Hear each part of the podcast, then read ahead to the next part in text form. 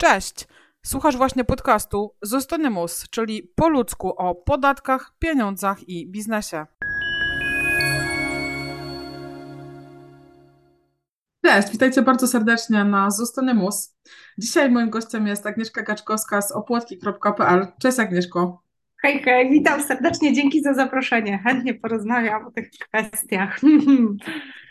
Tak, Zostanymus zajmuje się pomocą przedsiębiorcom w tym, żebyście płacili mniejsze podatki i najlepiej nie płacili składek ZUS-owskich. E, Agnieszka zajmuje się tworzeniem kursów, książek e, dotyczących handmade, e, więc jakby pomaga najczęściej kobietom, ale nie tylko, wchodzić na rynek związany z rękodziełem ogólnie rzecz biorąc. Pomaga tworzyć, pomaga wprowadzać na rynek, pomaga sprzedawać, ustalać ceny, ale też inspirować się, też zmieniać mentalnie podejścia do, do tego, jak robić biznes, bo kobiety zwykle tak mają, że zaniżają swoją wartość, niestety. Zwłaszcza w tej branży. No właśnie, Agnieszko, to czy coś jeszcze pominęłam? Czy, wiesz, czy czymś jeszcze jesteś w stanie, czy wiem, że jesteś w stanie pomóc w wielu rzeczach, ale tak wiesz, oficjalnie czym się zajmuje Twój biznes?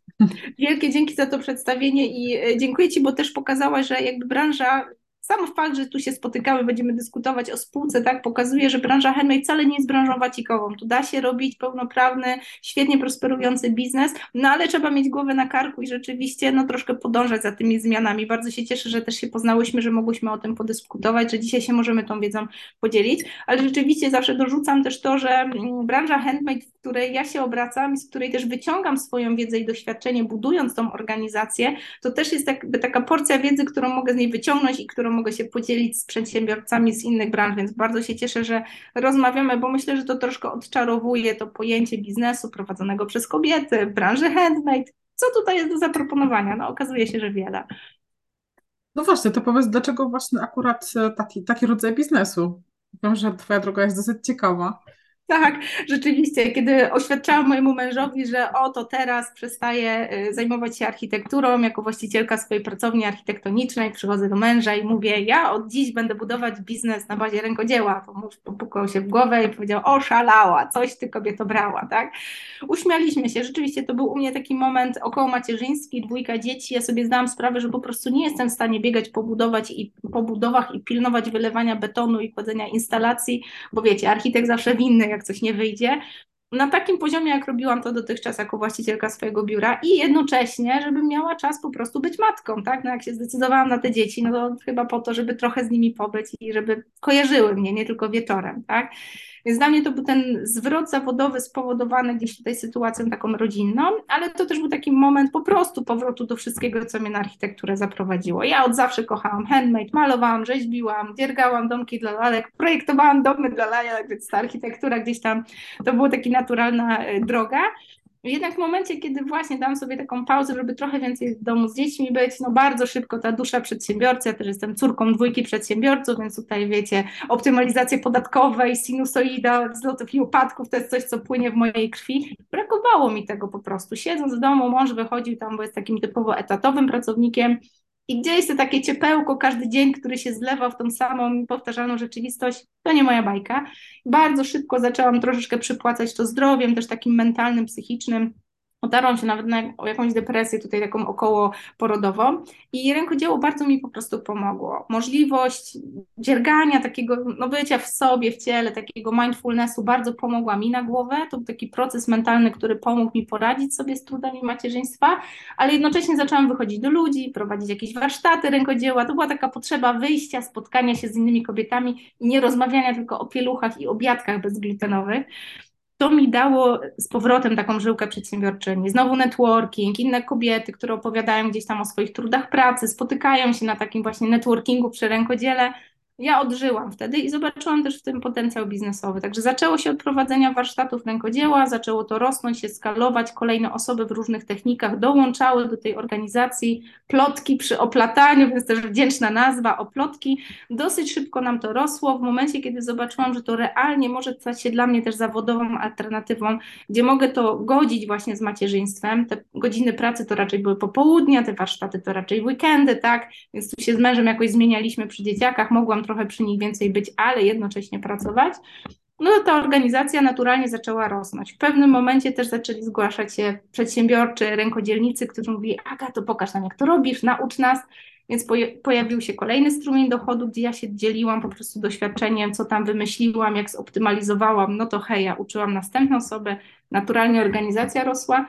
No i w momencie, kiedy do mnie dotarło, że to ja już nie wracam do tej architektury, tu jest fajny biznes, realizuje się, to jest też jakaś taka moja pasja, fajnie obudowuje się to wokół życia prywatnego, ta firma zaczęła się rozwijać na tyle, że zaczęłam do tego dokładać i myśleć, co dokładać jako budowanie tego portfolio, dywersyfikacja tych strumieni dochodu. No i wtedy pojawiła się myśl o tym biznesie online. To jeszcze było dużo przed pandemią, więc też taki czas, że mało kto w ogóle kojarzył, co to jest. Jeszcze w branży handmade, więc w ogóle jak mężowi powiedziałam, hej, będę robić kursy szydełkowania online, to uśmiał się. No ale rzeczywiście poszłam za ciosem i na długo przed pandemią powstawały już pierwsze produkty cyfrowe, więc to też dawało taką skalowalność, też zobaczyłam, co jest możliwe w tej branży, tak, że to rzeczywiście wolumeny sprzedaży w ogóle, no szok. No i nagle przyszła pandemia. Dla mnie to był ten przełomowy moment, gdzie to był taki bardzo dynamiczny skok rozwojowy tej organizacji. No, zaczęły się do nas zgłaszać duże organizacje, duże firmy. Wszyscy pamiętamy ten moment, kiedy nagle nas zamknięto, nagle praca zdalna, tak, coś, co dla wielu osób było takim nowum. Duże organizacje miały też problem, jak sobie poradzić ze zdrowiem psychicznym swoich e, pracowników, takim ogólno pojętym dobrostanem. No i wtedy nasze warsztaty online czy produkty online, które już były przetestowane latami doświadczeń, tak, i też setkami osób, które korzystały, stały się takim produktem, gdzie kontraktowałam no, duże, duże współprace, właśnie warsztat dla jakiejś firmy, w ramach przerwy w pracy zamiast korpo kuchni jakieś tam wspólne dzierganie czapki szydełkowej. No i rzeczywiście zaczęłam wtedy bardzo eksplorować to, co jeszcze może dać rękodzieło. No wszyscy wiemy, jakie mamy czasy, przebodźcowanie, tak, e, jesteśmy zmęczeni mentalnie tym siedzeniem przed komputerem, teraz jesteśmy w dobie popandemicznej rzeczywistości, gdzie tęsknimy do uwolnienia się z tego świata komputeru i ciągłego ekranu, więc dla mnie też rękodzieło jest takim narzędziem, którego można uczyć przez internet, ale później komputer zamykamy, robimy swoje, więc jest to jakaś forma praktyki mindfulnessu, takiej jogi umysłu, rozrywki intelektualnej, no bo też nie wszyscy od razu w sporty idziemy, tak, nie wszyscy to lubimy. No i się okazało, że ta firma rzeczywiście zaczęła bardzo rosnąć. No i tutaj wchodzimy do tematu, o którym dzisiaj mamy rozmawiać, czyli właśnie tego momentu dużego wzrostu, gdzie nagle przyszło mi na własnej działalności tutaj płacić gigantyczne składki ZUS-owe, tak, zmiany tutaj w naszym nowym ładzie spowodowały, że kiedy księgowa tutaj przysłała kwitek, no to mało się nie przewróciłam. No i to, to jakby spowodowało, że y, każda kolejna transakcja, każdy kolejny duży kontrakt generował faktycznie większe straty niż zyski. Coś tu było nie tak. I myślę, że doszłam do takiego momentu, który może być bliski wielu przedsiębiorcom. Gdzieś na początku walczymy trochę o te przychody, w momencie, kiedy one się pojawiają, jest taki moment chwilowego od, oddechu, takiego ugruntowania, ale w pewnym momencie, kiedy przegapimy pewien moment potrzeby jakiejś optymalizacji podatkowej, może wybrania lepszego wehikułu prawnego, no to możemy pójść z torbami, bo gdzieś tu w tym Excelu przestaje się zgadzać i my trochę nie wiemy dlaczego. Sprzedaż idzie fajnie, firma się rozwija, pojawiają się pracownicy, coraz większy zespół, a tu nagle na koncie się nie zgadza. No i myślę, że tu właśnie no, trochę uratowała mnie, prze, uratowała mnie właśnie przejście na spółkę. Wiadomo, są zalety, wady, ale poczytuję to jako taki krok biznesowy, gdzie rzeczywiście dobrałam taki wehikuł prawny, który pozwolił na dalszy wzrost tej organizacji. Mhm. Okay, no właśnie, bo rozpoczynałaś się na jednoosobowej działalności gospodarczej. E, jakby, czy możesz zdradzić, dlaczego właśnie wtedy jednoosobowa działalność, dlaczego na początku nie, nie zastanawiałaś się nad innymi opcjami? Tak, przyznam, że odpowiedź jest bardzo prosta. Ja kiedy zakładałam swoją e, działalność, to jeszcze nie było tej całej nierejestrowej takich organizmów, czy powiedzmy takich bachików, które teraz mogą być dogodne dla kogoś, kto zaczyna. Ja zakładałam swoją działalność w 2012 roku, więc wtedy nie było nawet czegoś takiego, jak wiecie, te pierwsze dwa lata, jakichś takich hmm, ulgowych mały warunków. ZUS, tak. tak. Tak, mały ZUS i te klimaty. Nie było czegoś takiego, ale e, załapałam się na dotacje dla startujących przedsiębiorców. To wtedy jeszcze było właśnie na moją firmę architektoniczną. Zakładałam zakładałam już swoją firmę. Wcześniej działałam przy współpracy z takim dużym partnerem, gdzie faktycznie to ja robiłam wszystko, ale miałam kogoś, kto mi tam wszystkie papiery po prostu pomagał e, legalizować w ramach dużej organizacji. Natomiast kiedy zakładałam tą firmę, to po prostu była fajna dotacja z Unii. Ja dostałam 40 tysięcy, kupiłam sobie oprogramowanie, piękny komputer, jakiś fajny aparat. I to był bezpośredni powód, dla którego założyłam firmę. prawdopodobnie bym tego nie zrobiła, bo miałam ciepełko właśnie takiego układu e, gdzieś tam w większej organizacji, ale przyznam, że bardzo się cieszę, że to zrobiłam. Zakładając firmę, mm, zderzyłam się z tym światem właśnie, że na dzień dobry wysoki ZUS, na dzień dobry ja też wynajmowałam lokal, więc na dzień dobry taki zestaw kosztów, e, lawirowanie też właśnie z tym płaceniem ZUS-u, bo tu się nie można spóźnić i tak dalej, i tak dalej. Więc dla mnie to też był taki duży trening e, odpowiedzialności jako przedsiębiorca, że tutaj nie ma zmiłuj, trzeba zarobić minimum na koszty, a wiadomo, że chcemy trochę więcej, tak? To nie tylko po to pracujemy, żeby płacić koszty. Plus przećwiczyłam, jak to wcale nie tak kolorowo jest na własnej działalności, jednocześnie będąc w ciąży na macierzyńskim. Jak to wcale nie tak kolorowo jak na etacie. Więc dla mnie to też było takie dojrzenie do pewnego etapu takiego mentalnego wzięcia odpowiedzialności za swój dobrostan, e, nauczenia się, że no, księgowa, jakiś doradca, radca prawny to są najważniejsze osoby, tak? Cieszę się, że teraz w gronie swoich znajomych mam właśnie Ciebie, bo sama świadomość, że kogoś takiego gdzieś tam mamy z tyłu głowy i możemy się o coś zapytać, no to jest bardzo, bardzo duży plus. I firma służyła mi świetnie przez te lata rozwijania. To jeszcze była firma, która działała właśnie w architekturze, tak? Architektura Agnieszka Gaczkowska, nawet jeszcze gdzieś tam jest w wszystkich papierach, można sobie sprawdzić.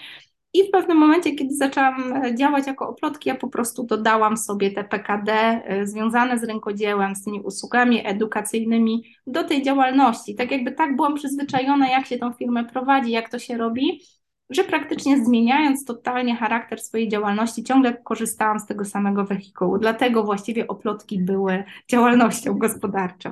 Mhm. mhm. Okej, okay, no bo powiedziałaś właśnie wcześniej, dlaczego zainteresowałaś się spółką. Myślę, że to już nie tajemnica, że dzisiaj prowadzisz biznes e, pod tak. postacią spółki ZO. Natomiast pytanie, jak wyglądało to przejście, wiesz, z działalności na spółkę, co było łatwe, co było trudne, albo co cię zaskoczyło? E, taki moment, wiesz, takiego kliknięcia z jednego na drugie. Tak, przyznam, że bardzo dużo było tutaj takiej edukacji wokół przekonań, które sobie zbudowałam na podstawie różnego rodzaju rozmów z przedsiębiorcami, tak? I obrosła ta spółka w jakieś takie właśnie przekonania, że to jest trudne, że tu jest pełna przejrzystość księgowa, więc księgowość jest droższa, że w ogóle tutaj jakieś statusy, jakieś uchwały, jakieś spotkania zarządu, i wiesz, i to tak puchło w mojej głowie i puchło i za każdym razem, jak słyszałam właśnie jakaś uchwała zarządu, to miałam trochę taki uraz ze świata stowarzyszenia. Ja też prowadzę stowarzyszenie i zawsze tak było, że właśnie miałam tą działalność gospodarczą jako oplotki, która, której celem było generowanie przychodu, tak, zapłata rachunki, kredyty i cała reszta, a z drugiej strony było stowarzyszenie, które realizowało cele statutowe, czyli taką misję tych, te nasze oplotki. I ona się też nazywa oplotki. I dla mnie spotkanie zarządu i właśnie tam uchwała kojarzyła się z tym, co się dzieje w stowarzyszeniu, tak, tym właśnie masą papieru, rety, rety, tyle te, tej papierologii, którą trzeba trzeba zrealizować. I gdzieś sobie zbudowałam taki wizerunek, że właśnie spółka jest trudna, jest obciążająca, y, takie niepotrzebne straty czasu, które możemy przeznaczyć na pracę we własnym biznesie.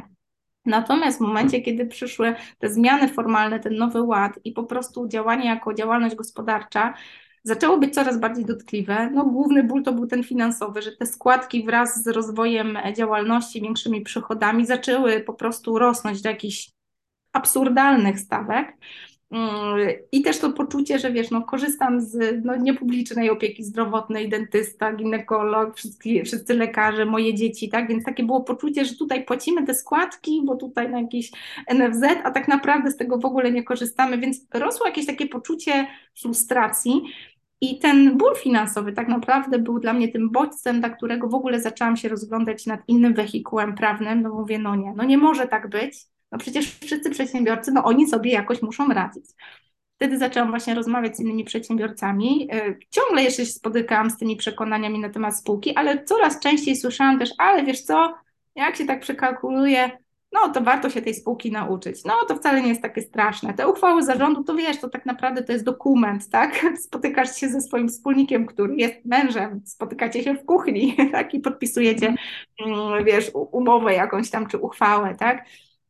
I zaczęłam sobie normalizować i troszeczkę oswajać te właśnie no, dziwne przekonania, które zbudowałam w głowie, aż do momentu, kiedy po prostu usiadłam z moją księgową i po Bożemu przekalkulowałyśmy, co się lepiej opłaca.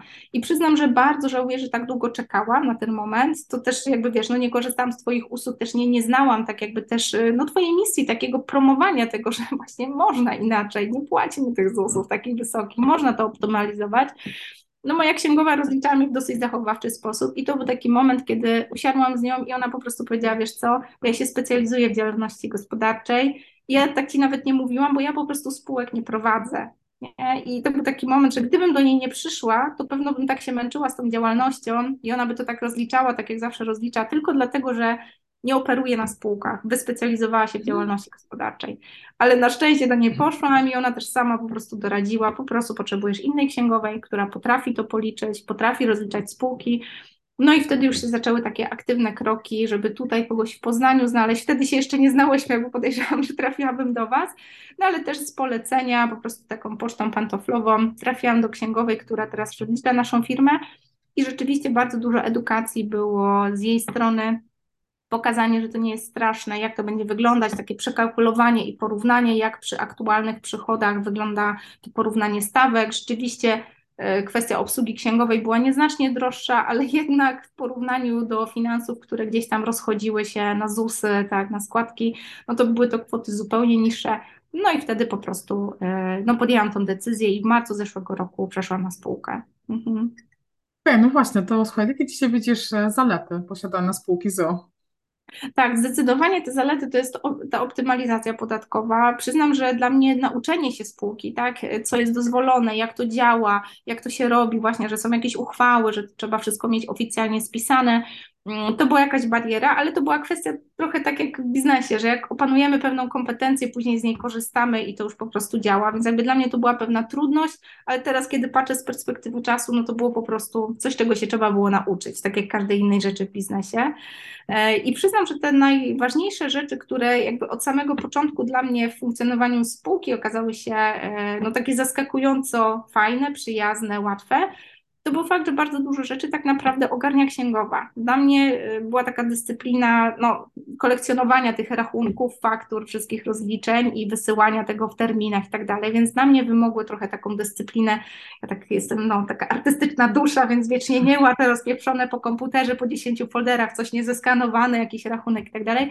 Natomiast zdyscyplinowało mnie to do takiego troszkę pilnowania tych rzeczy, Teraz to już jestem taką grzeczną, przykładną, wiesz, klientką, która tam zawsze w określonej dacie wszystko pięknie w folderze, ponazywane tak jak trzeba, datami ułożone wysyła, ale to mi też dało takie narzędzie do e, takiego bieżącego patrzenia na to, co się dzieje w biznesie przez pryzmat finansowy. Nauczyło mnie też, jak tutaj sobie trochę lawirować tymi kosztami, czy lepiej w tym miesiącu, czy w tamtym miesiącu.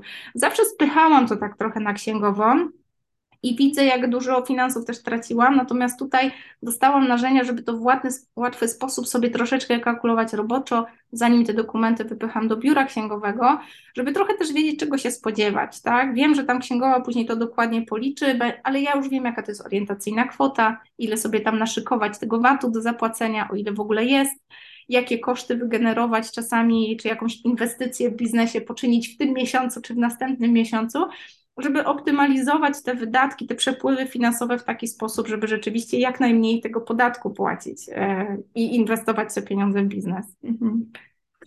a czy widzisz jakieś takie, wiesz, wady, które tam do tej pory ci przeszkadzają jakoś bardzo? Przyznam, że dużo było właśnie w obszarze tej edukacji. Pewnych rzeczy jakby nie wyczytamy z ustawy. Dobrze mieć taką osobę jak ty, czyli osobę, która dobrze jakby zna te przepisy związane ze spółką i wie, jak między wierszami wyczytać to, co możemy zrobić, co jest legalne, ale jednocześnie nikt nam w ustawie nie powie, że tak fajnie by było robić. Dla mnie wielkim zaskoczeniem było rozliczanie różnego rodzaju delegacji, to, że możemy wyjechać i tak jakby pewne rzeczy sobie wrzucać w koszty. Fakt, y, nie wiem, specyfiki prowadzenia mojej działalności, ja się tak śmieję, księgowa też się śmieje, że Agnieszka, ty pracujesz gębą, wszystko, co jest na twojej twarzy, tak, ty jesteś wizytówką firmy, możesz sobie te dentysty i fakturę w koszty wrzucić. W życiu by mi do głowy nie przyszło, tak? Więc to były takie rzeczy, które były dla mnie zaskakujące w pozytywnym znaczeniu, ale jednocześnie negatywnym, że skoro ja tego nie wiedziałam, pojawiło się takie poczucie rozczarowania, kurczę, tyle kosztów generowałam naszego lifestyle'u, naszego sp sposobu życia, które mogły być kosztami dla spółki i mogły pomóc tej optymalizacji podatkowej, No i pojawiło się takie, kurczę, nikt mi o tym nie powiedział. Więc się cieszę, że ty robisz tak dużo edukacji wokół tego, bo no właśnie takie, że mogę sobie dentystę, kosmetyczkę wrzucić w koszt firmy, w życiu by mi do głowy nie przyszło. A okazuje się, że przy specyfice niektórych działalności jest to jak najbardziej legalne, jak najbardziej okej, okay, wręcz wskazane, tak? No, w zeszłym tygodniu właśnie była głośna sprawa, że pani, która jest e, influencer, influencerką, jakby wrzuciła sobie w koszty koszty kosmetyczki, tak. Związane oczywiście tam z jakimiś zabiegami upiększającymi i poprosiła o indywidualną interpretację i dostała pozytywną dla niej, czyli e, tak. Urząd Skarbowy e, zgadza się z tym, że, że można, dlatego że to jakby jest element e, pracy, nie? więc tak. to jest niesamowite, że nareszcie też urzędy zaczynają jakby patrzeć na takie rzeczy po ludzku, a tak. nie tak, że nie, to jest twoja prywatna i nie, nie możesz, nie? Także to Dokładnie. jest super. Dokładnie. E, no właśnie, to Agnieszka, to tak podsumowując trochę, e, czy polecasz sprawdzenie, wiesz, każdemu albo komu polecasz sprawdzenie, czy spółka ZO jest dla niego? Na pewno nie dla każdego, ale tak, żeby zweryfikować.